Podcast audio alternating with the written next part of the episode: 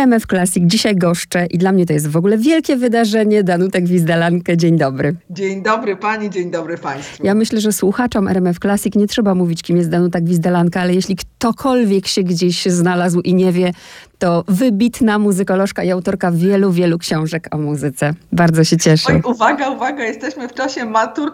Ludzie zdają matury z historii muzyki. No nie wiem, co sobie o mnie myślą. A nasze spotkanie jest w związku z taką malutką, malusieńką książeczką, e, ale jakże ważną, Mozart. Seria Małe monografie Polskiego Wydawnictwa Muzycznego. Ja się z tej książeczki tak cieszę, bo to jest dla każdego. To ja się tak cieszę, bo wie pani, jak ja piszę książki o muzyce, to e, kieruję się zasadą BP. To znaczy bezpieczeństwo informacji, bo ja jednak wszystko sprawdzam, ale P przyjemność dla czytelnika. A tym razem doszło jeszcze jedno, to jest B, P i S, czyli ma być szybko, mało, ma to się zmieścić do kieszeni, to ma być książka, którą sobie można czytać w każdym miejscu i która właśnie ma być Państwo powinni mieć zaufanie do tego, że ja wszystko sprawdziłam. Ja jeszcze wspaniałego redaktora, więc to też pomogło. A poza tym przyjemność czytania i nie za długo, a jeśli kogoś coś zainteresuje, to na końcu jest podana literatura, gdzie można ewentualnie sięgać. Tak jest, 130, no 140 stron. Takich małych. Tak, i jeszcze wyśmienite właśnie wybrane utwory, źródła cytatów, literatura dla wnikliwych, czyli jeżeli ktoś jest niedopieszczony, ale to jest też świetne, na bis, czyli Mozart czekoladowy, powieściowy, sceniczny, zekranizowany. Mm. Bardzo fajnie się to czytało. Ja nawet y, zwróciłam uwagę na coś innego niż Mozart, czytając tę książkę i o tym też będę chciała porozmawiać bo to były dla mnie rzeczy fascynujące. Więc ja nie będę mówiła teraz o tym, kiedy tam Mozart się urodził, jak się nazywał. Bardziej, o, bardziej mnie interesuje pierwsza rzecz, ojciec. Bo gdyby Mozart urodził się w innej rodzinie, no to, to, to, by nie było Mozarta. Dokładnie. Właśnie, to jest niesamowita historia w przypadku Mozarta, że my tu mamy połączenie paru zbiegów, w gruncie rzeczy to są zbiegi okoliczności, ale tak, Przychodzi na świat chłopak, który jest no niesamowicie y, zaopatrzony przez naturę w zdolności różnego rodzaju. Zacznijmy od tej najprostszej, od muzycznej. Przychodzi w rodzinie muzyka, który jest świetnym pedagogiem, o czym się dowiadujemy z innych źródeł. Mało tego, przychodzi na świat w mieście, które daje mu możliwości rozwijania tego wszystkiego i jeszcze funduje taką podróż. Proszę sobie wyobrazić teraz, jakiś zdolny matematyk albo w ogóle jakikolwiek zdolny młody człowiek rodzi się w rodzinie profesora uniwersyteckiego, który jeździ z Erasmusa na Erasmus albo z wykładami od jednego najważniejszego ośrodka akademickiego do drugiego. W takiej sytuacji był Mozart. I teraz na to wszystko nałóżmy, że jest urokliwy jako człowiek, bo jest bardzo inteligentny, dowcipny, kontaktowy, jest pracowity i zorganizowany. Przecież on prowadzi w pewnym momencie przedsiębiorstwo. Moim zdaniem to jest obraz o wiele bardziej interesujący od tego, który nam romantycy zostawili. Taki był Mozart, nie bardzo wiadomo co. Niebiosa nam go dały i zabrały nie wiadomo czemu. Wszyscy wiemy teraz dlaczego i to jest fascynujące, że taka sytuacja zaistniała. Jeszcze ma drugie szczęście, że ojciec się nim zachwyca, bo rodzice są bardzo różni. Mógłby być tak. zazdrosny, a on uważa to dziecko za cud świata i że ten cud trzeba światu pokazywać. Tak jest, no. W tym momencie fakt, że Leopold Mozart miał być księdzem, ale jakoś z tego zrezygnował, bardzo się przydał, ponieważ on uznał, że ma do czynienia z cudem Bożym we własnym domu i musi go całemu światu zaprezentować. To było też świetne. I musiał być szalenie sugestywny. Pewnie pani też zwróciła uwagę na historię w Amsterdamie. Jest Wielki Post i to jeszcze Holandii przecież nie wolno grać, a on przekonuje, że to nie będzie koncert, to będzie demonstracja cudu Bożego. No, on tylko widać, widać, że po szkole jezuickiej. Tak jest. To, co mnie zafascynowało, może to źle. Obok Mozarta mnie zafascynowało, ja nawet zapamiętałam te liczby. Mianowicie, skoro mamy ten cud Boży i ojciec decyduje się go pokazywać, a przypominamy sobie, w jakich jesteśmy czasach, nie wsiadamy sobie do samolotu i nie lecimy. O. Więc te wyprawy z Salzburga, y, które wówczas jest małą mieściną, kiedy ja sobie wyobraziłam, naprawdę ja to poczułam, jak czytałam, 7 kilometrów na godzinę jedziemy jakimś tam powozem po byle jakiej na drodze. Na szybciej. Tak. tak. I to wszystko się bierze ze sobą, łącznie z takim instrumentem, no małym, bo małym, ale ja w Muzeum Instrumentów Poznańskich właśnie pytałam, jak to to wyglądało. To było kilkadziesiąt kilogramów dobrych mimo wszystko. To nie był taki Steinway koncertowy pół tony, ale to mimo wszystko było. Plus jechała matka, jechała siostra, no to te kreacje, przecież one też nie chodziły ubrane wtedy tak jak my, tylko widać, ile tego trzeba było ze sobą wziąć. Dla mnie to było też niesamowicie ciekawe. Ja się cieszę, że dzisiaj można dojść do informacji, które pozwalają nam sobie wyobrazić, jakie to było przedsięwzięcie. I w dodatku jeszcze człowiek mówi tak, chwila, moment, ale przecież tak, nie tylko nie było autostrad, ale nawet takich zwykłych, porządnych dróg. Zajazdy, pożal się Boże, relacje z tamtych czasów są straszne. Czasem wręcz przestępcy na drogach. Do tego wszystkiego. Przecież nie mamy sprawnie działającej poczty, o telefonach komórkowych w ogóle nie wspomnę. Karty kredytowe też trzeba czekać jeszcze dobrych kilkanaście pokoleń, żeby wymyślono. I to wszystko trzeba było jakoś zorganizować. I Leopold dawał sobie radę. My to wiemy dokładnie dzięki listom. Te listy to jest po prostu skarb. Tak. Ale to widać, jak trzeba było te sprawy ze sobą łączyć, ile trzeba było przewidzieć, no i to oczywiście trwało odpowiednio dłużej. I kiedy pomyślę o tym właśnie 7 km na godzinę, po, po 65 km już postój, bo koło się złamało. e, I ja cały czas, to życie nasze nie toczy się, no właśnie, my czytamy w książkach y, o momentach, prawda, ale to życie się toczy tu i teraz. Jak ja sobie wyobrażam, jak oni jadą, jak oni trzęsą się w tym, w tym powozie. W Augsburgu, tak, w tym Muzeum Augsburgu, które jest zrobione w domu urodzenia jego ojca, tak się patrzy i w pewnym momencie oni pokazują dwójkę takich małych figurek, które się trzęsą i tak człowiek stoi po chwili i chwyta się za pewną część ciała i mówi, Boże, ale to musiało być nieprzyjemne. A co z ćwiczeniami? Bo o tym też myślałam. Dzisiaj się mówi, że żeby muzyk był na poziomie, no to musi ćwiczyć 8-9 godzin dziennie. No kiedy on jedzie 7 km na godzinę, nie może ćwiczyć w podróży. Po drodze ćwiczyli na tym przewoźnym instrumencie, który, który mieli. Mhm. Po prostu musi, musieli się jakoś tak zorganizować. A jeszcze proszę pamiętać właśnie, woda, jedzenie, tak. no, no tam się cuda przecież. Nikt z nas by dzisiaj chyba takiej podróży nie wytrzymał, to byłby jakiś survival. Ojciec to jedno, uzdolnienie Mozarta to drugie. Czym on ujmował? Ja, ja sobie próbowałam wyobrazić ten moment małego Mozarta, który jest cudem Bożym pokazywanym i on wskakuje cesarzowej na kolana i ją tam, prawda, całuje. To przecież było niesamowite fopa, a jednak wybaczone mu. Tak, on musiał być dzieckiem urokliwie miłym, ponieważ my to wiemy z wielu relacji. I potem wiadomo też, jak on już był dorosły, bo on jako dorosły mężczyzna to nie był atrakcyjny. On był nieduży, on był po ospie, y, w związku z czym był, y, był taki właściwie krostowaty, natomiast był inteligentny i dowcipny i to wszystko działało. To wszystko natychmiast mu ludzi ujmowało. Więc jak taki brzdąc przyszedł, takie cudowne dziecko i wskoczyło cesarzowej, no to ona, która miała kilkanaścioro dzieci, oczywiście w tym momencie nie była była cesarzową, tylko była mamą i babcią, a jak następcy tronu powiedział, że nie ma przewracać nut, bo kompozytor na pewno zrobi to lepiej, no przecież nikt z tych ludzi mających normalne nastawienie do świata i do otoczenia nie mógł się poczuć obrażony. Tak, to prawda. Niezwykłe te historie. My nie będziemy opowiadać po kolei tych podróży, drodzy Państwo, ani całej książki, bo ja zachęcam, czyta się ją bardzo szybko i bardzo fajnie. Pani opisuje, że po 42 miesiącach, bo dokładnie pamiętam, 42 miesiące w podróży, to jest, biorąc pod uwagę to, co powiedziałyśmy, to jest koszmar. Moim zdaniem, to jest koszmar. I wraca dojrzały muzyk. Owszem, muzyk tak, i na tym się teraz skupmy,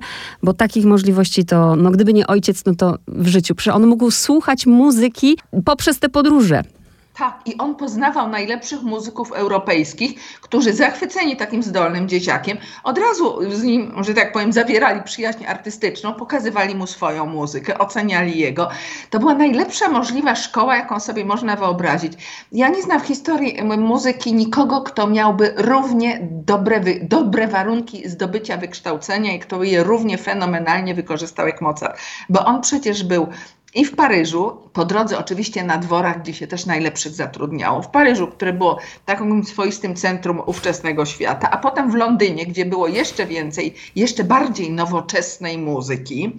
Potem pojechał z ojcem do Włoch, dotarli aż do Neapolu, także to jest, e, no po prostu to jest niewyobrażalne. Chyba nie było w Europie nic ciekawego, czego Mozart nie zdołałby w ciągu tych paru lat dojrzewania usłyszeć. I jeszcze kwestia, bo to też trzeba podkreślić, że ojciec pełnił, Leopold pełnił ważne funkcje u arcybiskupa i taki, że taki wyjazd właśnie, to też trzeba mieć wyobrażenia, że to nie był, to nie był jedziemy sobie, prawda, pokazać cud Boży, tylko to musiały być zgody, to musiały być finanse, to to musiały być, że tak. słuchaj, no ja wam, ja rozsławię to nazwisko, ja wam załatwię tak. kontrahentów do biznesu. To, to była cała tak, sprawa. To teraz widać z tych dokumentów, które wyszły, ponieważ y, stosunkowo niedawno temu opublikowano listy Mozarta, ojca i pokazane zostało, jak on się przygotowywał do tej podróży. On miał mnóstwo znajomych, którzy po prostu robili dobre biznesy w sporej części Europy. I on był takim swoistym właśnie komiwojażerem dobrego imienia Salzburga, o czym zresztą wiadomo z wielu miejsc. Natomiast no, najpiękniejsza jest historia, jak on przesyła listy z Londynu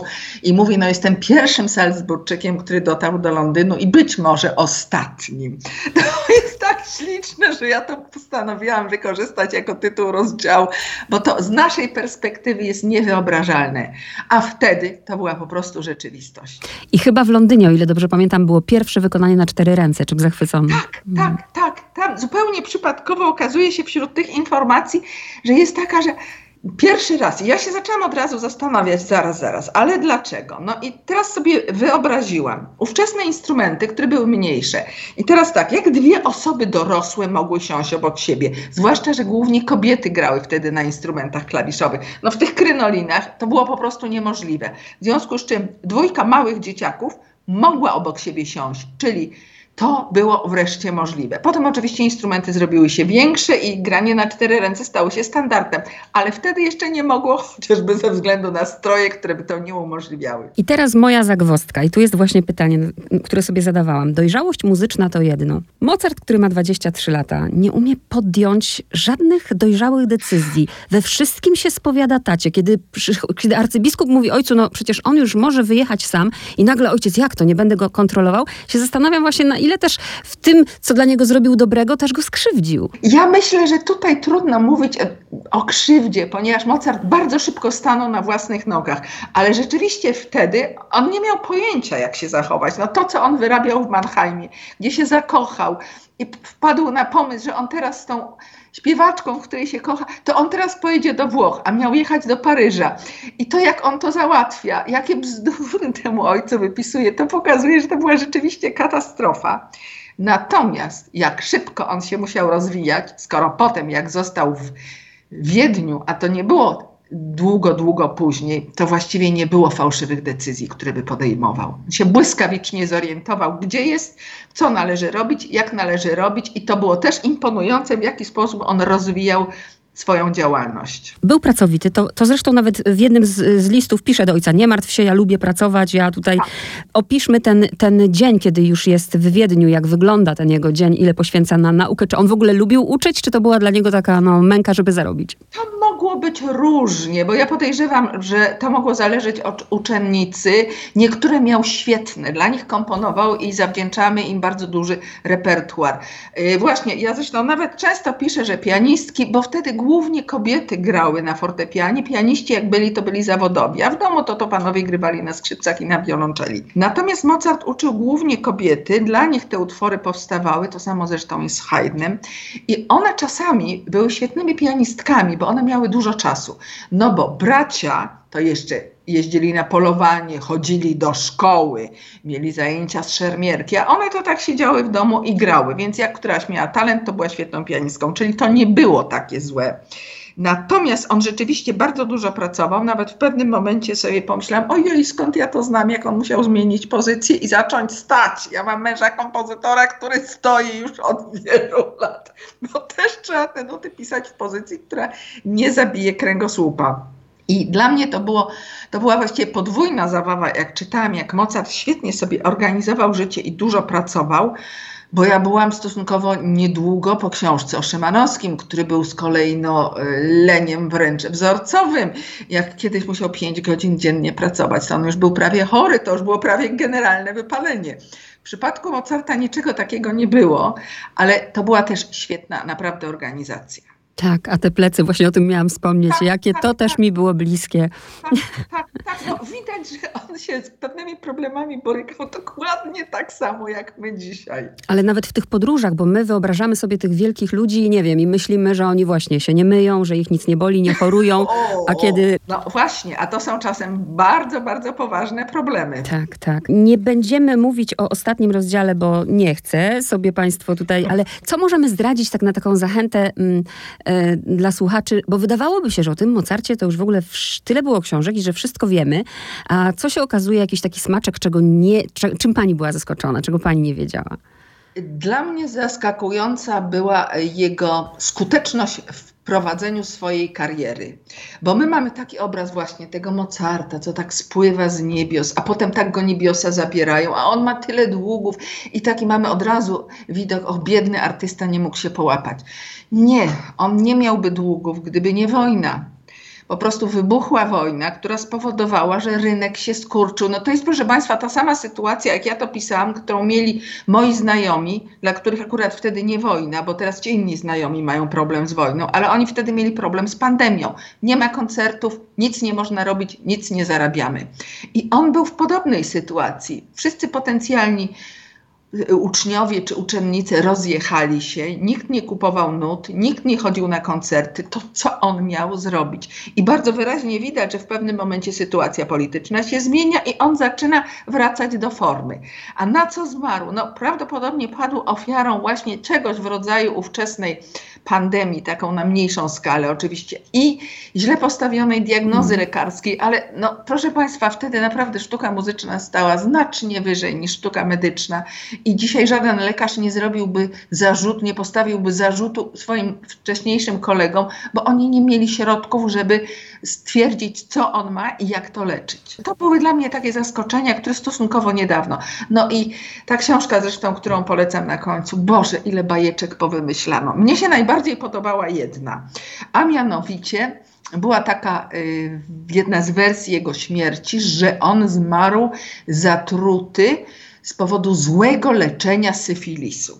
Ale z tego, co ja wiem, to i ja o tym zresztą piszę, to tak szybko wyliczyłam, ile lat jeszcze pożyła Konstancja, która z Mozartem była ciągle w ciąży.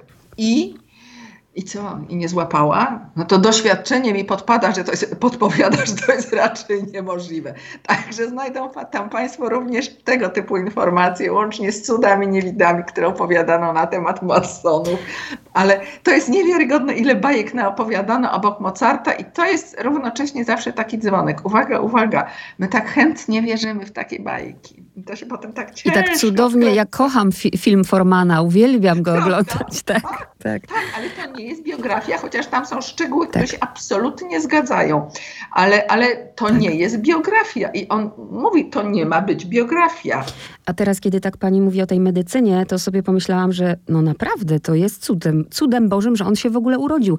Ile tych dzieci umierało. Tak. I jego dzieci, i dzieci Leopolda, przecież tak, można tak. powiedzieć, że to jest cud, że, że przeżył. Tak, tak. Ten rozdział za dużo nut jest ciekawy, bo to, co zrobił Mozart rzeczywiście w tamtym czasie, no było totalnie nie przystawało do tego, co ludzie znali. I dzisiaj myślę o tym, jak mamy twórcę, który robi coś, co, co nie przystaje, no to spada na niego straszny hejt. A Mozart chyba miał szczęście w tym wszystkim trochę. To ja bym powiedziała, że to była sytuacja jeszcze troszeczkę inna. Znaczy, on robił pewne rzeczy, które były zgodne z konwencją. Robił pewne rzeczy, które zdecydowanie przekraczały i ja zresztą piszę o tych przypadkach, kiedy no, yy, przestawali kupować nuty, bo mówili za trudne. Ale mijało trochę czasu i Potem znajdowali się nabywcy, wykonawcy i wszyscy zachwyceni. Konkretnie mówię w tej chwili o kwartetach fortepianowych, które się nie przyjęły na początku, bo wtedy się siadało, grało od razu. Także wtedy mieliśmy do czynienia z kombinacją publiczności, która była albo taka, że no, najprostsze rzeczy ją zadowalały, więcej nie chciała, ale również było grono koneserów. I Mozart miał tę możliwość, że będąc w Wiedniu, mógł również pracować dla tych koneserów. Czyli i taka publiczność, i taka publiczność. Tam o tych długouchych. Ta, o, Ojciec tak. go ostrzega. Właśnie ja się zastanawiałam o co chodzi. Bo no, no długie uszka, no to przecież osiołek, prawda? A Mozart mówi, wszystko robię, tylko nie dla długouchych. To prawda. On miał niesamowity dar melodyczny, który oczywiście od razu ujmował y, publiczność. Z czym były problemy? Z harmonią, bo proszę sobie wyobrazić, że wtedy no, za dużo krzyżyków, za dużo bemoli, ja w to nie wierzyłam, ale czytam to w ówczesnych recenzjach. O, to już był problem dla tych, którzy mieli grać. No więc on pisał muzykę i dla takich, którzy no, chcieli coś prostszego, i dla takich, którzy potrafili to docenić. I to wymagało trochę czasu, ale w pewnym momencie się przebiło. I to, to, jeszcze się uśmiecham, bo nie każdy potrafi tak pracować. Ja jak czytam książkę, lubię mieć ciszę. E, jak, ja sobie, jak sobie wyobrażę Mozarta, który już od dziecka jest w domu, gdzie są psy, koty, wszystko się dzieje, w tym później dorosłym jego życiu, gdzie ciągle się przewijają tłumy, bo przy sztylu musi być tych kopistów, że on potrafił po prostu w takim chaosie funkcjonować. On miał prawdopodobnie ciut inaczej y, ukształtowany mózg, ponieważ istnieją pewne zjawiska w mózgu, które nie są zbadane. Ja się kiedyś śmiałam, że jest coś takiego, o czym tak naprawdę dwie osoby y, tylko pisały i mówiły. To polega na czymś, co właśnie miał Mozart. Jest to połączenie, ja zresztą o tym w książce piszę, jest to zupełnie niezwykłe połączenie wrażliwości słuchowej pozwalającej na pamięć, i wyobrażenie sobie dźwięku. Zawodowy kompozytor powinien sobie wyobrazić to, co ma skomponować. No, dla mnie dramatyczne jest, jak ja ciągle słyszę od muzyków, że przychodzą do nich kompozytorzy z partyturami i potem są zdziwieni, jak słyszą, jak ci grają. Mówią, ojej, ja myślałam, że to będzie zupełnie inaczej. No, przepraszam, w czasach Mozarta to było po prostu niemożliwe. Tak. No więc właśnie, tu jest taka sytuacja, że jest fenomenalny słuch, do tego pamięć i prawdopodobnie miał umiejętność wyłączania się z tych odgłosów z zewnątrz. To pewnie można wyćwiczyć, tak jak można sobie wyćwiczyć ruchomy słuch absolutny ale no, nikt dokładnie nie wie, co on miał w tej głowie. No bo mamy tych książek o Mozarcie dużo. One dalej będą powstawały, czy już o Mozarcie napisano wszystko, czy coś jeszcze, czy czegoś jeszcze nie wiemy, coś, coś jest do odkrycia, jak pani myśli? Ja myślę, że z odkrywaniem to już będą problemy, ponieważ przebadano wszystko, co tylko było. No nawet wiemy, że pewnych rzeczy się nie dowiemy, bo spłonęły akta policyjne. Na przykład nie dowiemy się nigdy, kiedy zostały wykonane te trzy ostatnie symfonie. Tak mniej więcej, ja, ja podaję to, co w książce yy, wiadomo, dzisiaj, ale szczegółów nie wiadomo, no bo się spaliło. Ale zmienia się perspektywa, bo ja opowiem Państwu historię, która dla mnie brzmi niewiarygodnie, ale jednak ponoć miała miejsce na pewnej konferencji, bodajże w latach 50., 60. w Wiedniu na temat Mozarta. Wystąpienie miał pewien angielski znawca Mozarta i odebrano mu głos w pewnym momencie. Dlaczego? Bo on powiedział, że te trzy symfonie to nie były utwory, które tak Mozart sobie napisał, jak Einstein pisał i jak wszyscy powtarzali po nim, no bo naszło go natchnienie. Mozart nic nie pisał dlatego, bo mu to przyszło do głowy i tak nie wiedział, co z tym dalej zrobić. I on usiłował udowodnić, że to było pisane na Akademię, które Mozart dalej chciał organizować. Ale obraz Mozarta, który po prostu prowadzi agencję artystyczną, tak się nie mieścił wtedy nikomu w głowie, że po prostu odebrano mu głos i powiedziano mu, że o takich rzeczach to my tutaj w tym poważnym gronie nie będziemy rozmawiać.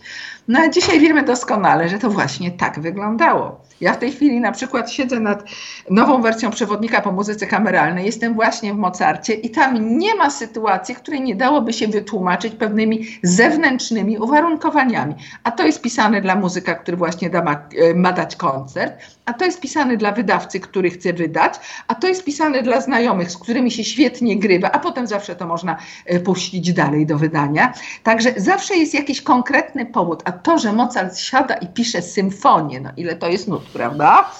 I tak nie ma pomysłu, co z nią dalej zrobić, to jest po prostu niemożliwe. Nie ma takiego utworu Mozarta. No tak, Wizdalanka nie tylko świetnie o Mozarcie pisze, ale jeszcze, jeszcze lepiej opowiada. Cieszę się, jeżeli nie są Państwo rozczarowani i odstraszeni od książki. Dziękuję bardzo. Wszystkiego dobrego. Dziękuję bardzo. Dziękuję.